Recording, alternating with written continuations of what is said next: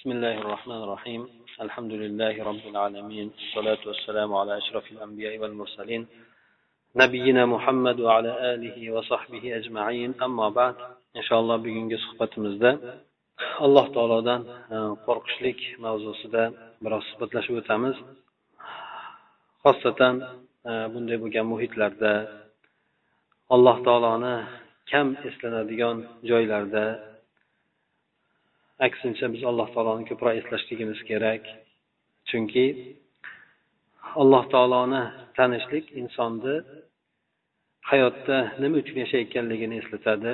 Shu bilan birgalikda inson alloh taoloni taniydigan bo'lsa alloh taolodan qo'rqishligi hamda alloh taolodan umid qilishligi insonda ziyoda bo'lib boradi. Endi boshqa o'zimizni diyorlarda boshqa musulmon diyorlarda albatta alloh taoloni eslatishlik ko'p suratda bo'ladi ko'p joylarda eslatiladi masjidda bo'lsin yoki o'tirishlarda bo'lsin lekin bu o'rinlarda asosan bizda alloh taoloni ko'proq eslashlik o'zimiz o'tiradigan suhbatimizda shunaqa narsalarda bo'ladi. Boshqa paytlarda odamlar e, hamma bilan birgalikda ishiga singib yoki boshqa bo'lib ketadi. Alloh taolodan e, qo'rqishlik bo'ladigan bo'lsa mavzuyimiz o'zi qo'rquv degan nima degani qo'rquv arab tilida al xavfu deb aytiladi. Al xavfu minalloh alloh taolodan qo'rqishlik. Bu degani o'zi qo'rquv kalimasini ishlatilishligi inson kelajakda sodir bo'ladigan noxush bo'lgan narsadan qalbini sarosimaga tushishligi bu narsa qo'rquv bo'ladi. Ya'ni kelajakda voqe bo'ladigan yoki aniq bilgan yoki gumon qilgan narsasini noxush bo'lgan narsani sodir bo'lishligi bu o'sha insonni qo'rqishligiga olib boradi ya'ni qo'rquv bo'ladi. Bunda albatta inson e, bironta baloni kutayotgan bo'lishligi kelishligini yoki aniq bilgan bo'lishligi yoki bo'lmasa bir yaxshi ko'rgan narsasidan ayrilib qolishligi. Bu ham insonda qo'rquvni keltirib chiqaradi.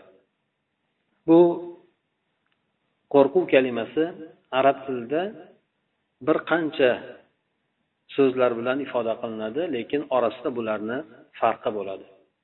Qur'onda ham alloh taolo bu qo'rquvlarni turlarini ishlatgan.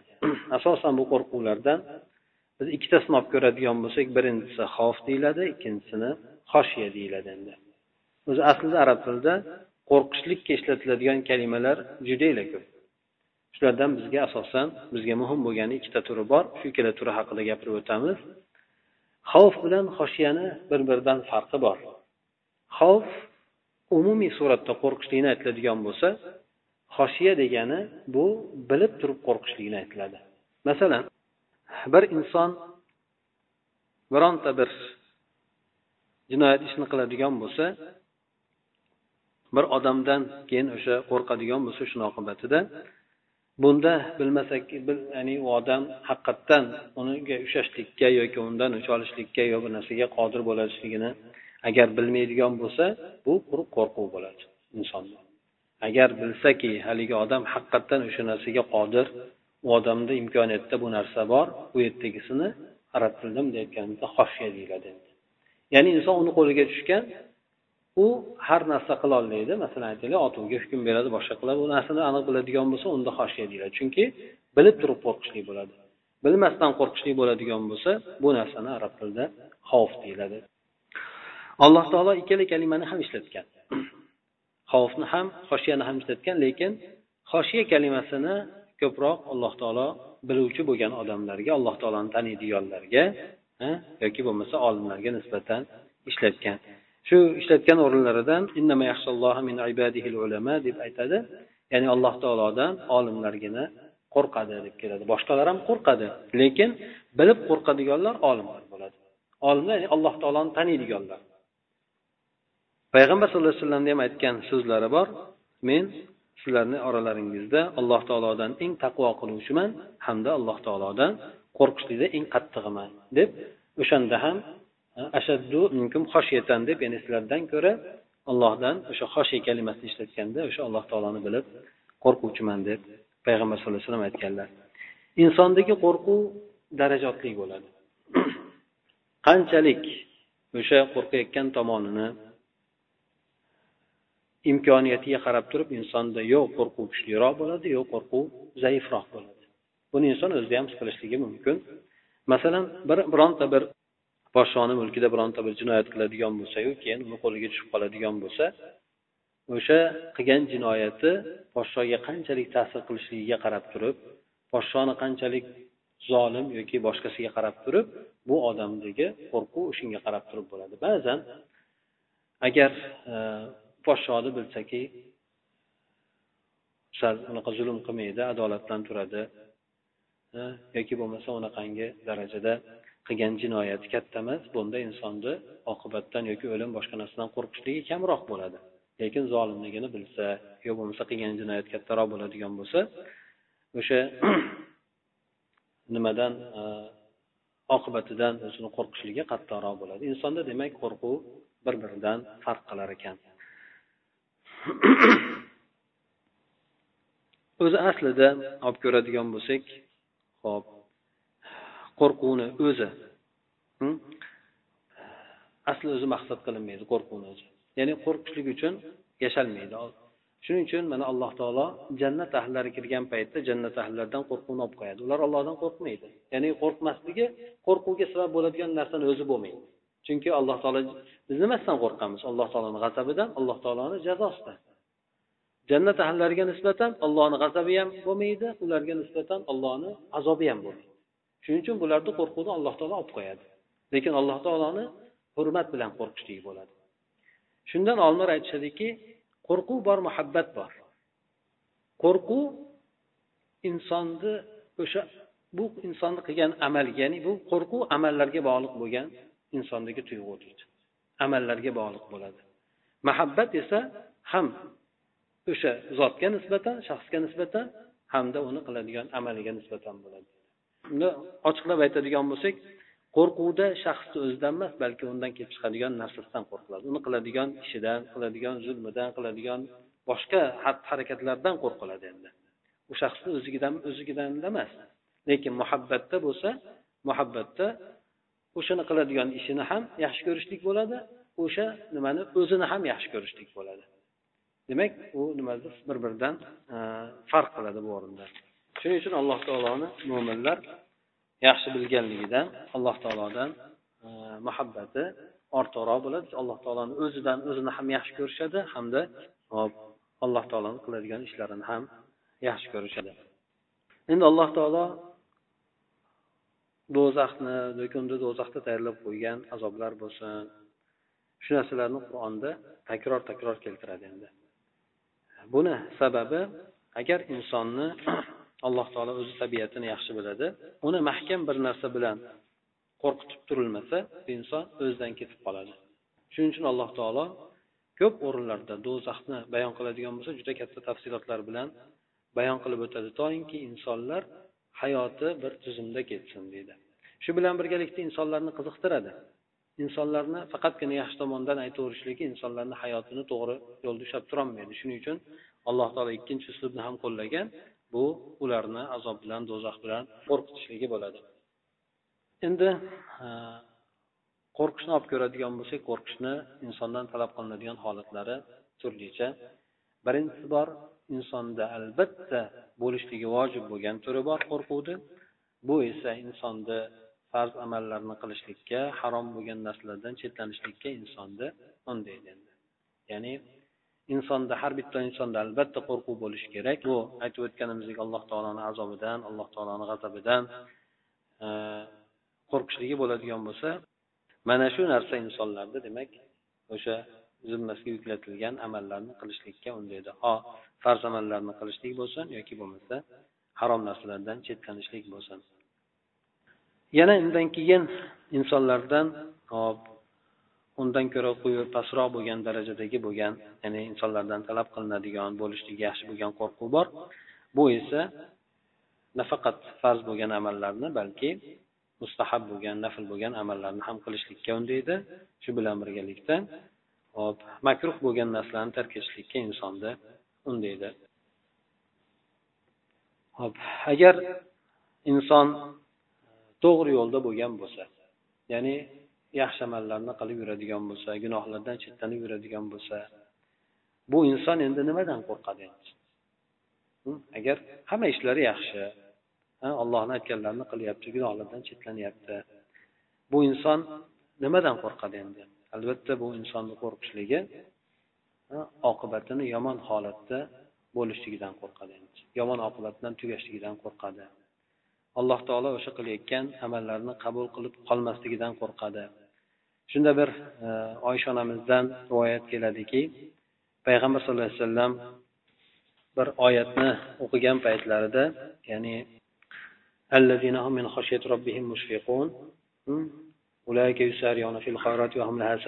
degan oyat bor.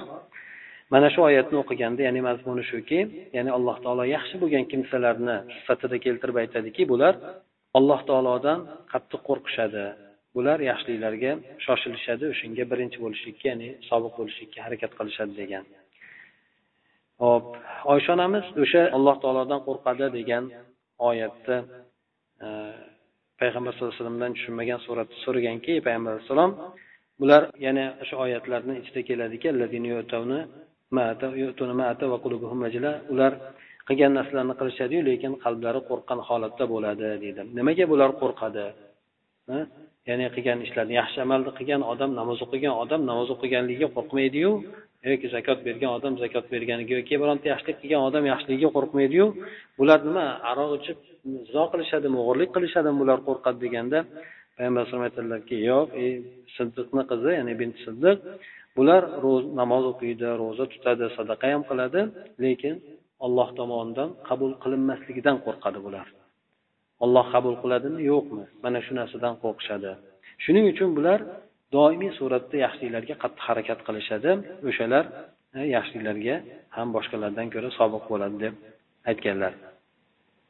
Ya'ni insonni qo'rqadigan narsasi nafaqat inson gunoh qo'ysa allohni azobidan g'azobidan qo'rqishligi balki inson yaxshi amal qilsa ham qo'rqishligiki alloh taolo qabul qiladimi yoki yo'qmi insonni? O'sha qabul qilayotgan amalni. Agar allohni huzuriga bir inson bir amallarni qilgan bo'lsayu alloh taolo talab darajasida qilmagan bo'lsa qabul etmagan bo'lsa u narsani bu ham insonni yaxshi oqibat bilan E, hayotini o'tmaganligiga olib boradi. Shuning uchun inson e, alloh taolodan ko'p istig'for aytib tavba qilishligi nafaqat gunoh qilgan o'zida emas balki hop o'sha yaxshi amallarni qilganda ham istig'for aytib tavba qilinadi. Sababi o'sha qilgan yaxshiliklarni ichidagi bo'lgan kamchiliklari kechirilishligi hamda allohni qabul qilishligiga bu sabab bo'ladi. Masalan biz ham aytamizki har namozni o'qib bo'lgandan keyin astag'firulloh astag'firulloh astag'firulloh allohumma anta salam minka salam deb aytamiz endi. Namozni o'qib salom bergandan keyinla istig'for aytamizda biz yomon ish qildikmi gunoh ish qildikmiki istig'for aytamiz undan keyinla yo'q. Bu istig'for aytilishligi o'sha namozni ichida bo'lgan kamchiliklarni alloh tomonidan kechirishligini so'rashlik bo'ladi. Shundan inson demak har bitta yaxshi ishni qiladigan bo'lsa albatta alloh taolodan o'sha ishni qabul qilishligini alloh taolodan so'rashlik kerak ekan hamda qabul qilinmay qolishligidan qo'rqish kerak ekan. Chunki agar insonni qilgan amalni alloh taolo qabul qilmaydigan bo'lsa insonga boshqa hech kim yordam berolmay qoladi endi. Albatta e, alloh taolo aytadiki biz o'z iymon keltirgan solih bo'lgan kimsalarni biz ularni amallarini zoyi qilmaymiz degan. Haqiqatdan inson e'tibor bilan bir amallarni qiladigan bo'lsa alloh taolo biz uni qilgan amallarini zoya qilmaymiz degan. Yana boshqa bir hadis keladiki inson odamlarni ko'ziga aytaylik yaxshi amallarni qilib qilib davom etadida lekin e, u bilan o'sha do'zaxni o'rtasida jannatni o'rtasida bir nima qolganda bir muddat qolgan paytda ya'ni umrini oxirida bir do'zax amallarni amalda amal qiladida shu bilan do'zaxga kirib ketib qoladi. Deb payg'ambar alayhissalom aytganlar. Ya'ni amallar xotimasiga qarab belgilanadi. Ba'zan inson hayoti davomida yaxshi bo'ladiyu lekin oxirgi umrlarida keyingi umrida o'zgarib ketib qolishi mumkin. O'sha demak asosan amallari xotimasiga qarab turib insonni hal qilinadi. Lekin alloh taologa agar inson haqiqatdan bir ixlos bilan amal qilib harakat qiladigan bo'lsa ibodatlarni yaxshi qiladigan bo'lsa alloh taolo aytganidek biz yaxshilik amallarni qilgan odamlarni amallarini zoyi qilmaymiz degan. Bu alloh taoloni bergan va'dasi lekin inson ham o'zgarmaslikka harakat qilishi kerak. Ha? hayotida o'zgarib qolishligi amallarni qabul bo'lmasligiga sabab bo'ladi. Hop hasan basriy ham o'sha oyat haqida aytgan ekanlarki bular alloh taologa toat ibodatlarni qiladi bular. O'shanda juda tirishadilar. Hamda alloh taolo tomonidan ularga bu amallarni qaytarib qolishligidan qo'rqishadi. Shuning uchun yaxshi amalni qiladiyu qalblari qo'rqqan holda qiladi bular deb aytilgan. Ya'ni mo'min odamni holati shunday ekanki mo'min odam ikkita narsani o'zida jamlar ekan. Ham yaxshilik qilishlik bilan qo'rqishlikni ham yaxshilik qilar ekanda alloh qabul qilmay qolarmikin deb qo'rqar ekan. Munofiq bo'lgan odam ikkita narsani jamlaydi yomonlikni qilaveradi buni oqibatida xotirjam ham bo'laveradi endi. Na qo'rqishlik bor bu odamda na yaxshilik qilishlik bor endi. Alloh taolo payg'ambarlarni yuborgan paytida payg'ambarlarni asosiy vazifalaridan bittasi qilib ollohni azobidan do'zaxidan qo'rqitishlik bo'lgan. Shuning uchun payg'ambar sallallohu alayhi vasallam aytganlarida mana o'zini qavmi qarindoshlarini birinchi jamlab turib bularni orasida xutba qilib gapirgan paytlarida men sizlarni ochiq suratda ogohlantiruvchiman. Ollohni azobidan ogohlantiruvchiman deb payg'ambar sallallohu alayhi vasallam aytganlar. Ya'ni bu kishi ishlatgan iste'mol qilgan kalimasi nadirul men kiyimsiz sizlarni ogohlantiruvchiman deb nima uchun buni aytgan desa chunki arablarda odat bo'lgan ekan. Mabodo dushman bostirib keladigan bo'lsa. U dushmanni dahshatini ya'ni katta bir kuch bilan kelayotganligini yoki bo'lmasa qo'rqinchli suratda kelayotganligini ifodalashlik uchun odam kiyimini shunday yechib ya'ni bir kiyim ba'zilar kiyimlarini yechib turib yugurib o'sha nimani mahallani ichida odamlarga baqirib e'lon qilar ekan. Odamlar uni holatini ko'rgandan keyin bu juda qattiq bo'lgan holatlarda qilinar ekan bu narsa. Tushunib hamma tayyorgarligini ko'rar ekan. Bu tezda bostirib ya'ni e, bostirib kelayotgan dushmanni nimasini ogohlantirishlik uchun aytiladigan qilinadigan holat ekan. Men xuddi shunaqa suratda sizlarni ogohlantiruvchiman deb payg'ambar alayhisalom aytgan. Ya'ni oqibat kelayotgan narsa juda qattiq bo'lgan narsa. Chunki alloh taoloni do'zaxi bor. Shuning uchun mana shunday suratda sizlarni ogohlantiruvchi go'yoki kimsaman deb payg'ambar alayhissalom aytganlar. Bundan tashqari e, payg'ambar alayhissalom e, alloh taolo u kishiga aytadi ayting ularga men sizlarni ochiq suratda ogohlantiruvchiman. Ogohlantirishlik qur'onda iste'mol qilinishligi asosan alloh taoloni azobidan yoki g'azabidan do'zaxidan ogohlantirishlik deyiladi. Bashorat beruvchi hamda ogohlantiruvchi deb keladi. Bashorat beruvchi degani jannat haqida xushxabar beruvchi ogohlantiruvchi bo'lsa do'zax haqida allohni g'azabi azobi haqida ogohlantirishlik deyiladi. Yana boshqa oyatlarda ham keladiki yuqavifullohu ibadahu ya ibadi fattaqun deb alloh taolo do'zaxni bayon qiladi. lahum min fawqihim zulalun minan nari va min tahtihim zulal do'zaxga tushadigan odamlarni tepasida ham do'zaxdan o'tdan bo'lgan soya bor. O'tdan bo'ladigan soya ya'ni insonni soyani o'zi o'tdan bo'lgan bo'lsa ha tepada o't bo'lsa o'tdan to'sadigan narsa ham o't bo'ladigan bo'lsa o't ikki barobar bo'ladi. Ya'ni ularni ostlarida ostlarida ham o'tdan bo'lgan o'sha soyabonlar tepa hamma tomondan bularni o't o'rab turadi. Alloh taolo mana shunaqa qilib bandalarni qo'rqitadi. Mana shunday narsalarni qilib aytib bandalarni qo'rqitadi. Ey bandalarim mendan qo'rqinglar dedi alloh taolo. Haqiqatdan alloh taoloni agar azobini tasavvur qilinadigan bo'lsa inson qo'rqmasdan iloji yo'q. Ya'ni Э, haqiqatdan o'sha narsani tasavvur qilib qoladigan bo'lsa inson butun umrini alloh taologa ibodat qilishlik bilan gunohlardan chetlanishlik bilan o'tkazadi lekin e, bizdagi bo'lgan g'aflat ya'ni g'aflat allohni eslashdan allohni g'azabini azobini eslashlikdan yoki bo'lmasa bizdagi bo'lgan xotirjamlik go'yoki e, do'zax boshqalar uchun yaralgan bizga aloqasi yo'qdek e, mana shu narsa bizni xotirjam bo'lishlikka amallarimizdan boshqa holatlarimizda ham xotirjam bo'lishlikka shu narsa sabab bo'ladi. Lekin alloh taolo insonni xotirjam bo'lishlikdan qaytargan ya'ni allohni makridan xotirjam bo'lmanglar. Alloh taoloni makridan xotirjam bo'ladilarmi? Alloh taoloni makri qanday? Alloh taoloni makri deb aytilishligi insonni hidoyatda ushlab turadigan alloh taolo insonni o'zi emas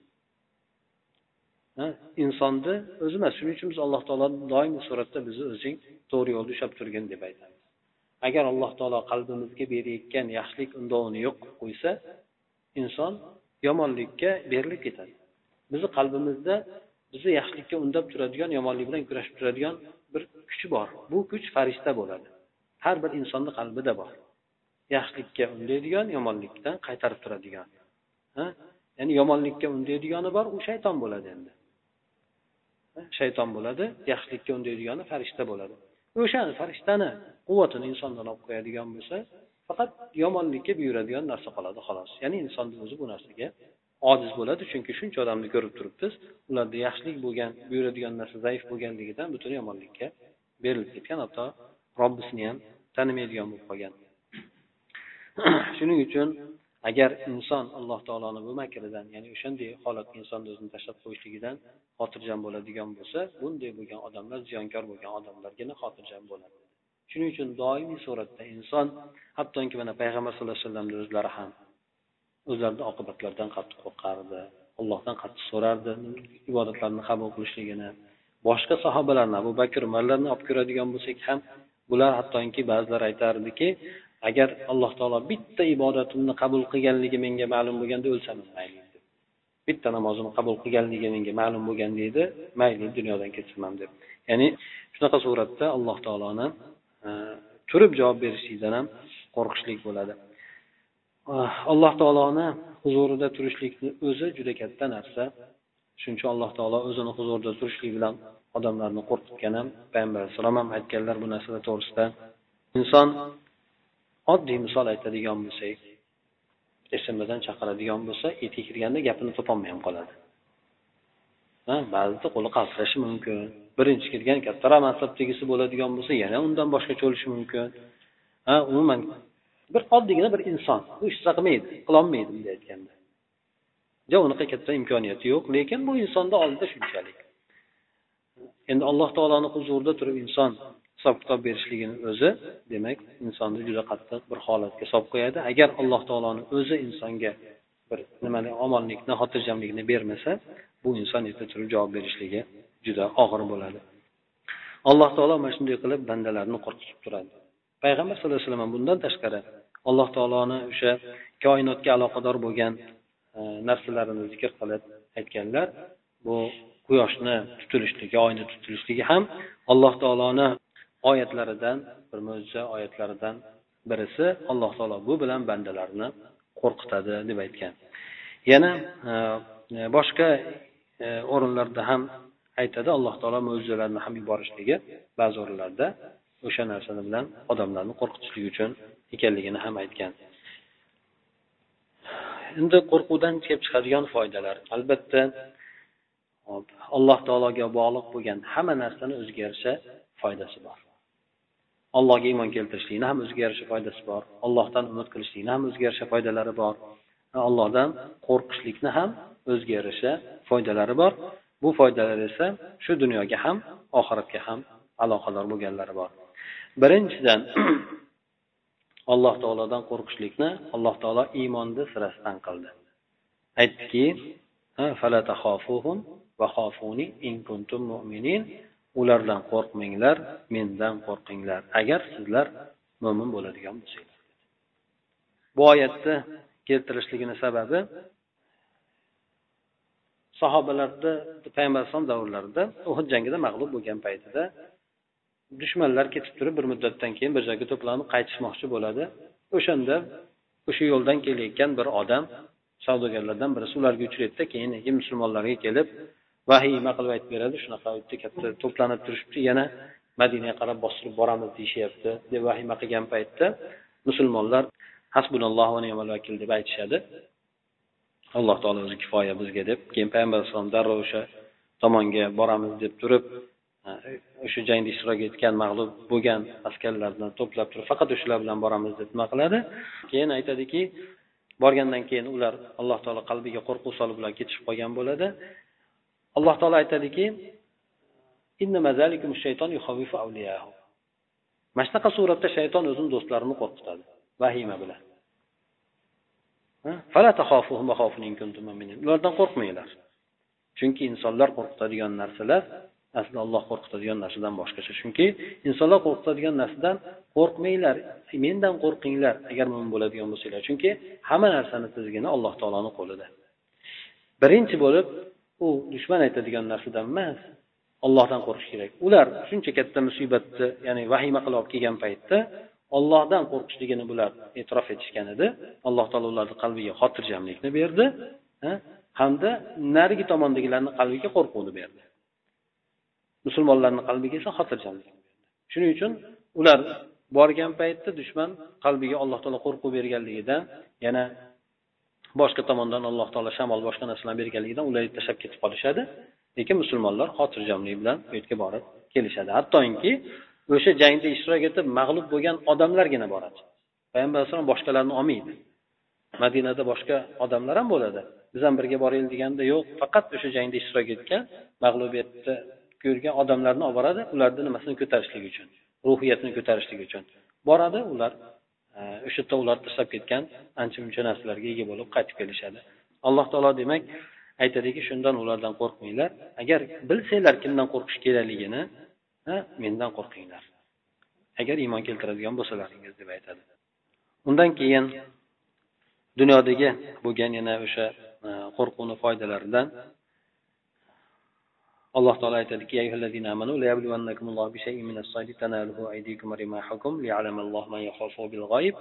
alloh taolo insonlarni har xil narsa bilan sinaydi mana shu dunyoda. Sinashligi alloh taolodan g'oyiban insonlar qo'rqadimi qo'rqmaydimi ya'ni alloh taolo insonlarni har xil holatdan sinaydi.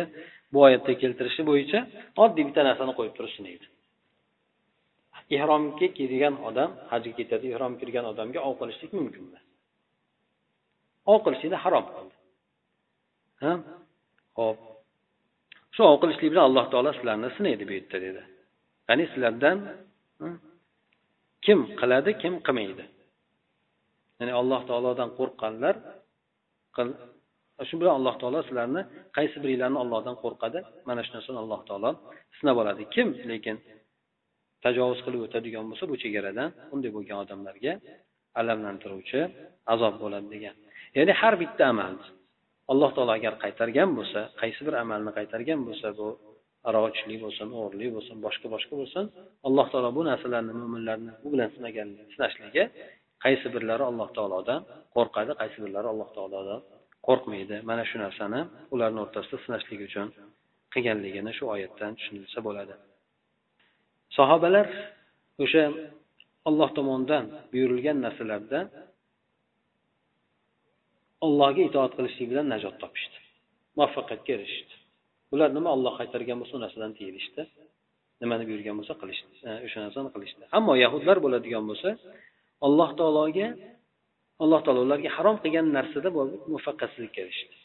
Bularga ham alloh taolo ov qilishlikni harom qilgan yahudlarga ham ov qilishlikni harom qilganda ularga shanba kuni ov qilishlikni harom qilgan qolgan kunlar qilsa bo'ladi lekin shanba kuni harom qilgan edi. Musulmonlar ham boshqa joylarda qilsa bo'ladi. Lekin ayni o'sha ehromga kirgandan keyin muayyan bir joyda ov qilishligi harom qilingan.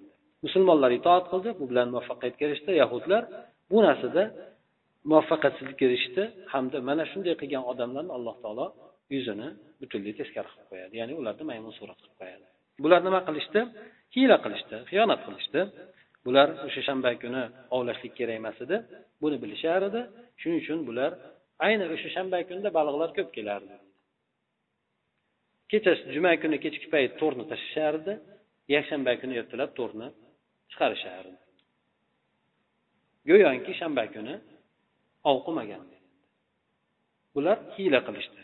Shuni oqibatda alloh taolo ularni o'sha suratlarini maymunlarga o'zgartirib qo'ydi shunday qilgan odamlarni. Yana undan tashqari alloh taolo bu sinaganlardan payg'ambarlardan yusuf alayhissalomni sinaganligi bor. O'sha imroatul aziz deydi. Aziz ya'ni o'sha nimani misrni o'sha paytdagi bo'lgan podshosini ayoli bu kishini zindonga chaqirishligi hamda o'sha alloh taolodan qo'rqqanligi sababli ya'ni hamma sharoit imkoniyat yaratilganu lekin bu yerda faqat ollohdan qo'rqishlikgina insonni to'xtatib qolar edi shu ollohdan qo'rqqanligi sababli bu kishi qaytadi. Hamma narsa hamma nimadan xoli bo'lgan shubhalardan xoli bo'lgan holatga tushadi bu kishi. Sababi birinchidan bu kishi o'zi ayni o'sha xonadonni xizmatkori bo'ladi yusuf alayhissalom. Ya'ni birov xizmatkor bo'lgandan keyin kirib chiqib turadi. Birov shubhadan xoli bo'ladi. Undan tashqari bu yolg'iz qoladi. Yolg'iz hech kim bilmaydi. Undan keyin bu nima ayol podshoni xotini bu xizmatkor. Hech kim nimasiga kelmaydi. Darajasi har xil bo'lganligidan. Ikkinchidan ayol tomonidan bo'layotgan targ'ib bo'ladi bu narsaga. Ayol tomoni o'zi bu narsaniga nima qiladi u kishini majburlaydi. Shu narsalarda alloh taolo aytadiki agar biz u kishiga o'zimizni oyatlarimizni ko'rsatmaganimiz deydi bildirmaganimiz deydi o'zini tutib turolmasdi deydi.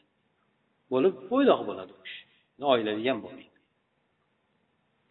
Ya'ni alloh taolodan qo'rqqanligi bu kishini shu o'rinda shu narsadan to'xtatib qoladi. Ba'zan insonda bo'ladi faqat ollohdan qo'rqqanligi to'xtatadi. Ha buni misolda ham keltirib nima qilinadiku? Payg'ambar alayhissalom haligi bir e, uchta toifa odamni toshda nima qiladiku? Birov safarga chiqishadi g'orga kirishadi tosh to'silib qoladi shundan keyin qilgan yaxshilik amallarini aytishadi. Birisi ota onasiga xizmat qilganini bittasi aytadi haligi. Yaqin bir o'zini qarindoshi bo'lgan nimasi bor pul so'rab chiqqan majbur ehtiyoji bo'lganligi shunda pul berishlikni aytganda lekin buni muqobilda undan nima zilon talab qilgan xo'p degan oxiri o'rni kelgan paytda o'sha narsa nima qilgan to'g'ri kelib qolgan paytda aytadi shuni ollohdan qo'rqmaysanmi degan narsani aytgan paytda o'sha narsa kallasiga turib shunda to'xtaydi. Haqiqatdan shunda sen uchun nima qilgan? Haqiqatdan ollohdan qo'rqishlik o'sha hamma narsa muhayyo bo'lgan lekin faqatgina ollohdan qo'rqishlik bo'lgan narsagina buni ushlab qolgan xolos endi. Shuning uchun alloh taolodan qo'rqishlik insonni juda ko'p yomon bo'lgan oqibatlardan yomonlikka borib qo'yuvchi sharmandali bo'lgan holatlardan alloh taolodan qo'rqishligi insonni saqlab qoladi yoki o'sha narsa insonga foyda berib qoladi. Undan tashqari yana alloh taolodan qo'rqishlikni o'zi alohida ibodat bo'ladi. Inson ollohdan qo'rqqanligi uchun ajr oladi. Ollohdan qo'rqqanligidan masalan aytaylik musulmon odam aroqni ichmaydi. Nima uchun ichmaydi? Harom qilinganligi uchun. Ha bu narsaga ajr oladi inson. Agar sog'lik uchun ichmasa unga ajri yo'q. Gunoh ham yo'q ajr ham yo'q. Lekin olloh harom qilganligi uchun ollohdan qo'rqqanligi uchun inson o'sha narsadan tiyiladigan bo'lsa qilmaydigan bo'lsa mana aytaylik ichmaymiz. Nimaga ollohni azobidan qo'rqamiz? Bu narsada ollohdan qo'rqamiz. Bu narsani o'ziga inson ajr oladi. Ya'ni alloh taolodan qo'rqishlikni o'zi ayni o'zi ibodat bo'ladi. Yana undan tashqari alloh taolodan qo'rqishlik bu hop aql egalarini sifatlaridan deb alloh taolo aytadi. Buni alloh taolo aqlli bo'lgan kimsalarni aql egalari deb sifatlashlik oqibatda aytadiki bular ular alloh taolodan qo'rqishadi. Alloh yomon oqibatdan bular qo'rqadilar. Alloh taoloni bilib qo'rqadilar deb e, bularni sifatlarida aytadi. Demak alloh taolo maqtagan kimsalarni sirasida o'sha alloh taolodan qo'rqadigan kimsalar ham kiradi. Endi bu ollohdan qo'rqishlikni beradigan samaralari samaralari nima bo'ladi? Dunyoda beradigan samaralari bu narsalar e, alloh taoloni o'sha insonlarga beradigan nusrati alloh taolodan qo'rqishligi oqibatda keladi. Hamda ulardagi bo'ladigan iymonni ziyodalanishligi xotirjamligi ham o'sha alloh taolodan qo'rqishligi oqibatda kelib chiqadi bu narsalarda alloh taolo keltirib o'tadiki وقال الذين كفروا لرسلهم لنخرجنكم من أرضنا أو لتعودن في ملتنا kofir bo'lgan kimsalar o'sha davrdagi payg'ambarlarga aytishdiki biz sizlarni yerlarimizdan chiqarib yuboramiz yoki bo'lmasa bizni millatimizga qaytasizlar ya'ni ikkita narsadan bittasi ha sizlarni yo'q biz chiqarib tashlaymiz. Mana payg'ambar alayhisalom chiqarib tashlagandek yoki bo'lmasa bizni dinimizda bo'lasizlar. O'zinglarni olib kelgan narsalarni tashlab turib bizni dinimizda bo'lasiz. Ya'ni bizda bizda o'zinglar olib kelgan narsalar bilan xotirjam yashamaysizlar yo'q chiqib ketasizlar yoki bo'lmasa aynan bizni holatimizga tushasizlar deb ular aytishdi. Ya'ni bunda kofirlarda aytgan gaplarni alloh taolo ta'kid bilan keltirdi. Bo'lib ham ikki bar ikki marta ta'kidlangan deb arab tilida lom ta'kid nun ta'kid deydi. Bular haqiqatdan o'sha narsaga mahkam turib olib shu narsani talab qilganligini ifoda qiladi. Alloh taolo ularga vahiy qildi payg'ambarlarga vahiy qildiki albatta biz zolimlarni halok qilamiz. Albatta biz yerni ulardan keyin sizlarga makon qilib beramiz. Bir muddat bo'lgan narsa xolos sabr qilinglar. Ularni diniga ham kirmanglar mayli chiqsanglar ham lekin ularni dinini qabul qilmanglar sabr qilinglar. Mana payg'ambar alayhissalom ham chiqdi. Alloh taolo ularni yerini ularga qarorgoh qilib berdi. Bunday narsani alloh taolo men qilib berishligim meni huzurimda turishlikdan qo'rqadigan huzurimda turib hisob kitob berishdan qo'rqadigan odamlarga hamda meni azoblarimdan do'zaxlarimdan qo'rqadigan odamlarga bu narsa munosib muyassar bo'ladi. Bu alloh taoloni bergan va'dasi nafaqat payg'ambarlarga bergan va'dasi balki payg'ambarlarni ummatiga ham bo'ladigan alloh taoloni va'dasi. Alloh taoloni va'dasi sodir bo'lishligi uchun zolimlarni ketkizib o'rniga yaxshi bo'lgan kimsalarni qo'yishligi uchun alloh taoloni qiladigan sharti liman xofa maqomi mendan qo'rqadigan meni azobimdan qo'rqadigan meni oldimda hisob kitobni e, o'ylaydigan qanday hisob kitob berishligini o'ylaydigan shundan qo'rqadigan odamlarga nasib qiladi deb alloh taolo aytdi. Demak alloh taolodan qo'rqishlik yerda alloh taoloni nusrati sodir bo'lishligiga olib borar ekan. Dushmanlarni ustidan g'alaba qozonishlikka ham yoki bo'lmasa alloh taoloni dushmanlarini halok bo'lishligiga ham ularni joylarini musulmonlarga ega qilib berishligida ham mulk qilib berishligida ham shu alloh taolodan qo'rqishlik insonni hayotda katta rol o'ynar ekan. Undan tashqari bu alloh taolodan qo'rqishlikni samarasi insonni yaxshi amallarga o'sha amalni ixlos bilan qilishlikka o'sha qilib qo'ygandan keyin ham e, o'sha amalni qabul qilinishligiga bo'lgan alloh taologa bog'lanishligi alloh taoloni so'rashligi mana shu narsalarga undar ekan. Ho'p yana mana oyatda keltirib aytadiki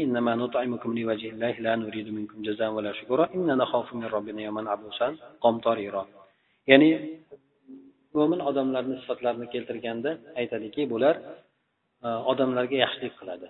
Yetimlarga asirlarga bular ya'ni bechora bo'lgan odamlarga ko'proq imkoniyat boricha yaxshilik qiladi. Ulardan keyin aytishadiki biz sizlarni xudo uchun taomlantiryapmiz. Xudo uchun sizlarga yaxshilik qilyapmiz. Sizlardan hech narsani biz iroda qilmaymiz. Na sizlarni rahmatinglarni ham na sizlarni beradigan uni undan keyin beradigan mukofotinglarni ham boshqa narsalarni ham istamaymiz. Faqatgina ollohni yuzi uchun sizlarga yaxshilik qilyapmiz dedi. Ya'ni xolis qilayotgan odam o'zi aslida ulardan rahmatni ham kutmaslik kerak o'zi lekin shariat unga rahmatni kutmagin dedida narigi odamga rahmat aytib qo'ygin dedi. Chunki insonni baribir tabiati o'sha narsani aytmagan bilan o'sha bilan xursand bo'ladi o'sha bilan endi yaxshiligini davom ettiradi. Hop biz bu narsani qilayotganligimiz sababi biz alloh taoloni huzurida turishlikdan qo'rqamiz. Bu kunda insonlarni yuzlari burishib ketadi juda bir qiyin holatga tushib qolishadi. Ya'ni o'sha qiyomat kunida insonni yuzida tabassum bo'lmaydi. Tabassum ketadi butun xo'mraygan bo'ladi. Sababi oqibati nima bo'lar ekan deb inson doimiy suratda o'ylaydi. Shunday demak o'sha oxiratdan qo'rqadigan bo'lgandan keyin bu qo'rqishligi ularni amallarini ixlos bilan qilishlikka undar ekan. Mana shu ollohdan qo'rqishlikni shu dunyoda beradigan samaralari endi alloh taolodan qo'rqishlikni oxiratda beradigan samaralari ko'p bu birinchi navbatda dunyoda qo'rqib yashagan odamni alloh taoloda oxiratda qo'rquv bermaydi. Payg'ambar alayhissalomdan hadis keladi. Alloh taolo aytadiki men bandamga ikkita xotirjamlikni hamda ikkita qo'rquvni jamlamayman. Agar bu dunyoda xotirjam yashasa oxiratda qo'rquv bo'ladi. Bu dunyoda qo'rqib allohdan qo'rqib yashasa oxiratda xotirjamlik bo'ladi. Ham bu dunyoda qo'rqib yashagan odamga allohdan qo'rqib yashagan odamga alloh taolo oxiratda qo'rquvni bermaydi.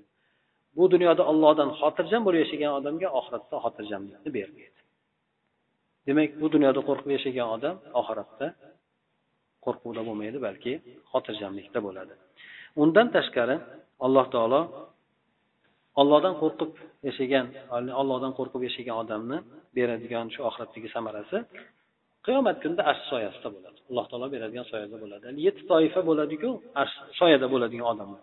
O'shalarni birisi ha bir bir odamki ayol kishi undan mansabli go'zal bo'lgan ayol kishi talab qilsayu ollohdan qo'rqaman deb aytadigan bo'lsa o'sha odam o'sha toifani bittasiga kiradi endi. Bundan tashqari o'sha oxiratda uni gunohlarini kechirishligiga sabab bo'ladi. Hop jannatga kirishligiga sabab bo'ladi. Ya'ni payg'ambar alayhisalom aytganlari kimki qo'rqadigan bo'lsa kechasida yo'lga tushadi. Kechasida yurgan odam manziliga yetib oladi. Ya'ni bu o'xshatma qilgan payg'ambar alayhissalom qo'rqadigan odam kechasida yuradi. Kunduzda hammani ko'zida bo'ladi dushman. Uni ko'rib masalan yo o'ldirishligi yo boshqa qilishligi mumkin endi shuning uchun qo'rqqan odam kechasida yuradi. Kechasida yurgan odam e, nima e, manziliga yetib oladi dedi. Ya'ni bu bilan payg'ambar alayhissalom misolni keltirganligi hop shayton insonni yo'lida doimiy suratda bo'ladi. Insonni nafsi bor har xil e, orzu havaslari bor shaytonni yordamchilari bor. Mana shu narsalardan demak inson ro'parama ro'para kelmaydida yo'lini topib turib inson harakat yo'lini topib shu narsalardan qutulib harakat qilish e, amal qilishlikka harakat qiladi. Mana shu narsaga payg'ambar alayhissalom bu yerda e, nima qilgan? Yani to'g'ridan to'g'ri dushman ro'parasiga bormaydi. E, o'sha narsalarga qarshi kurashgan holatda demak amalni qiladi dedi. Undan keyin payg'ambar alayhisalom aytdilar alloh taoloni o'sha qo'ygan tovari g'ol qimmatbahodir bu jannatdir deb aytganlar endi. Yana o'sha hamma oxiratdagi bo'ladigan samaralardan hop har qanday yomonlik bo'lgan narsalardan najot beradi o'sha. Payg'ambar alayhisalom aytganlar uchta narsa insonga najot beradi qiyomatda. Bunisi birinchi bittasi o'sha alloh taolodan ham oshkor suratda ham o'zini maxfiy bo'lgan suratda ya'ni hammani ko'zi o'ngidan chetda bo'lgan o'rinda ham hammani ko'zini o'ngida bo'lgan holatda ham alloh taolodan qo'rqishligi insonni turli bo'ladigan yomonliklardan oxiratdagi xosatan oxiratdagi shu bilan birgalikda dunyoda bo'ladigan yomonliklardan insonga najot beradi deb aytgan. Bu narsalar demak asosan e, alloh taolodan qo'rqishlik insonni hayotini bir o'sha olloh xohlagandek olloh rozi bo'ladigan holatda davom etishligiga sabab bo'ladi. Agar inson ollohdan qo'rqishligi ketadigan bo'lsa bu narsa zulmga ham izdan chiqishlikka ham amallarda bee'tibor bo'lishlikka hamma narsaga shu ollohdan qo'rqishligini insonni zaiflashganligi shu narsalar undaydi qaysi bir paytda inson gunoh qilayotgan bo'lsa u inson ollohdan qo'rqmay qo'rqishligi zaif bo'lib qolgan paytda qiladi. Odam ollohdan qo'rqib ollohdan qo'rqishlik kuchayib turgan paytda gunoh qilmaydi inson. Darrov o'zini o'nglaydi o'sha narsadan inson o'zini tortadi. Shuning uchun aytaylik alloh taoloni eslatilganda do'zaxni eslatilganda inson hayolda turgan bo'lsa u narsalardan gunoh narsalardan tezda qaytadi u narsalarga jur'at qilmaydi. Qachoniki u narsalar zang bosib qolsa yoki bo'lmasa qoplanib bir chang bosib qoladigan bo'lsa inson ancha esdan chiqib qolsa keyin keyin gunohlarga kirib qolishligi mumkin. Lekin do'zaxni ko'zini o'ngida keltirib turgan odam hech qachon gunohlarga berilmaydi.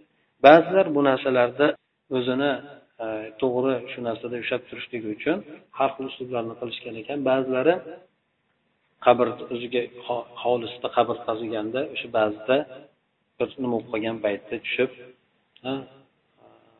qabrda tushgandan keyin aytar ekanki ya'ni o'sha o'lim nimasi bo'lib qolgan paytda ya'ni parvardigor olam ya'ni har bir inson mana qur'onda alloh taolo aytadiki har bir inson o'lim paytida meni dunyoga qaytaringlar deydi yaxshilik qilgan odamlar yana ham yaxshilik ziyoda qilishligi uchun yomonlik qilgan odamlar nima qilishligi uchun? Yaxshilikka o'zgaraman deb turib qaytaringlar deb mana e, aytadi. Hammasi aytadi alloh taolo yo'q bu narsani imkoniyati yo'q. Bu odam o'zi joylashib turib parvardigori olam menga o'lim bermagin hayot bergin endi tavba qilaman endi yaxshi amallarni qilaman deb aytar ekan aytar ekanlarda birpasdan keyin ana endi senga alloh taolo qaytarib berdi hayotingni. Ana endi o'zingni o'nglagin endi. Ya'ni alloh taolodan o'zi shunday o'ziga nima qilar ekanda? Shu ya'ni alloh taolodan xuddi go'yoki so'radim alloh taolo menga o'sha imkoniyatni berdi. Ana endi hayotimni qanday qilishim kerak? Alloh taolodan qaytargin degandim mana berdi menga. Ana endi hayotimni qanday qilishim kerak deb o'zini o'nglashlikka harakat qilar ekan. Ba'zilari bo'lsa sham yoqib qo'lini shamga qo'yar ekanda nima uchun falon narsani qilding nima uchun piston narsani qilding deb sen shu shamga toqating yetmayapti. Shamdan ozginagina olov chiqadiku endi. Alloh taoloni beradigan azobiga qanday chidaysan deb o'zini o'nglashlikka shu bilan harakat qilar ekan deydi shunaqa inson bu narsani tasavvurida u narsani ko'z oldiga keltirib to'g'irlamasa o'zini go'yoki do'zax insondan uzoqda turgan narsadek unga inson tushmaydigandek yo bo'lmasa aytaylik ha alloh taolo hamma narsani gunohlarni kechirib yuboradi xudo xohlasa jannatga kiradiganda inson demak o'zini tasavvur qilar ekanda shu bilan gunohlarga bemalol tushib ketaverar ekan. Shuning uchun insonlarda agar ibodatga sus bo'lgan ibodat qilmayotgan yoki gunohlarga botib qolgan odamlarni bunday qarasangiz bularni e'tiborida oxirat shunchaki bir ermak bo'lgan narsa bo'ladi. Oxirat bormi? Bor deydiyu u haqida tasavvuri ham u haqidagi javob berishni hech narsasi u odamlarda bo'lmaydi. Yoki juda bir oddiy bir narsa deb hisoblayotgan bo'ladi. Go'yoki alloh taoloni ham bir tasavvurida ular oddiy narsa his qiladi xolos. Ya'ni unaqa ollohdan qo'rqishlik degan narsa ularda bo'lmaydi. Shuning uchun haligi boshida aytib o'tganimizdek insonlarni qalbida alloh taolodan qo'rqishlik har xil darajada bo'ladi. Kimlardir alloh taoloni qudratiga u qadar darajada ishonmaganligi e'tibor bermaganligidan qo'rquvi zaifroq bo'ladi. Kimlardir alloh taoloni qudratini bilsa qanchalik ekanligini bu narsadan qo'rqishligi juda qattiq bo'ladi. Shuncha aytaylik ollohni g'azabi keladigan bo'lsa mana yaqindagi yaponiyada bo'lgan agar o'sha sunamini ko'radigan bo'lsak yoki boshqa joylarda bo'lgan musulmon diyorimi kufr diyorimi agar ollohni g'azabi kelib qoladigan bo'lsa yoshmi qarimi boshqami hammasi birdan pokistonda bo'lgan nimada ikki yuz ellik ming odam zilzilada bir bir muddat tuzda bir yer silkinib turib hammasini to'kib qo'ygan. Shuncha odam nima bo'ldi yana gaitida bo'ldi. Yo bo'lmasa aytaylik. To'rt besh yil oldingi sunamida bo'lgan nima tomonlarda qancha qancha odamlar yoppasiga yo'qolib ketganligi. Allohni azobi g'azabi azobi keladigan bo'lsa bu narsani hech narsa hech kim to'xtatib qololmaydi. Ho musulmon bo'lsin ho kufr bo'lsin. Allohni g'azabi kelishligi sabablari bor. U chegaradan insoniyat chiqadigan bo'lsa alloh taolo ularga ibrat qilib ko'rsatadi. Bu narsadan inson ibrat olish kerak.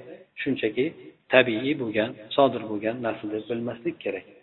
Oddiygina payg'ambar alayhisalom aytgandek oy quyosh turishligi alloh taolo bu bilan bandalarni qo'rqitadigan bo'lsa holat jinday o'zgarishligi. Ba'zida qattiq shamol esib qoladigan bo'lsa payg'ambar alayhissalom qo'rqardi. Alloh taoloni azobi kelib qolishligidan. Sababi aytganlarki bir qavm aytgan edi ya'ni bu shunchaki shamol qora bulut keladida shunchaki o'tib ketadigan bir endi yomg'ir yog'ib o'tib ketadigan narsa endi bulut endi deb bular o'zlaricha aytadi. Lekin haligi kelayotgan bulut azob bo'lib keladida ularni hamma yo'g'ini vayron qilib tashlaydi hech narsa hamma narsasini vayron qilib tashlaydi ya'ni hech narsa qolmaydi bular o'shanday deb o'ylashadi. Ya'ni oddiygina kelayotgan bulut ekan boshqa narsa ekan. Shuning uchun alloh taolo bergan har xil o'zgarishlar bo'ladigan bo'lsa holatlarga inson bu narsada ibrat olishlik kerak bo'ladi. Alloh taolo beriz bermadi. Nima uchun bu narsalarni berdi? Nima uchun bu yerda berdi? Nima odamlar nima qilgan edi? Demak bu narsa alloh taologa hamd bo'lsin bizga bermabdi imkoniyat beribdi. Shundan o'zimizni o'nglashligimiz kerak. Agar inson o'zini o'nglasa alloh taolo unga imkoniyatni beradi. Agar inson o'zini o'nglamasa aksincha alloh taolo unga yo qalbini muhrlab qo'yishligi yo qalbini qotirib qo'yishligi yoki bo'lmasa azob berishligi bo'ladi سبحانك اللهم وبحمدك نشهد أن لا إله إلا أنت نستغفرك ونتوب إليك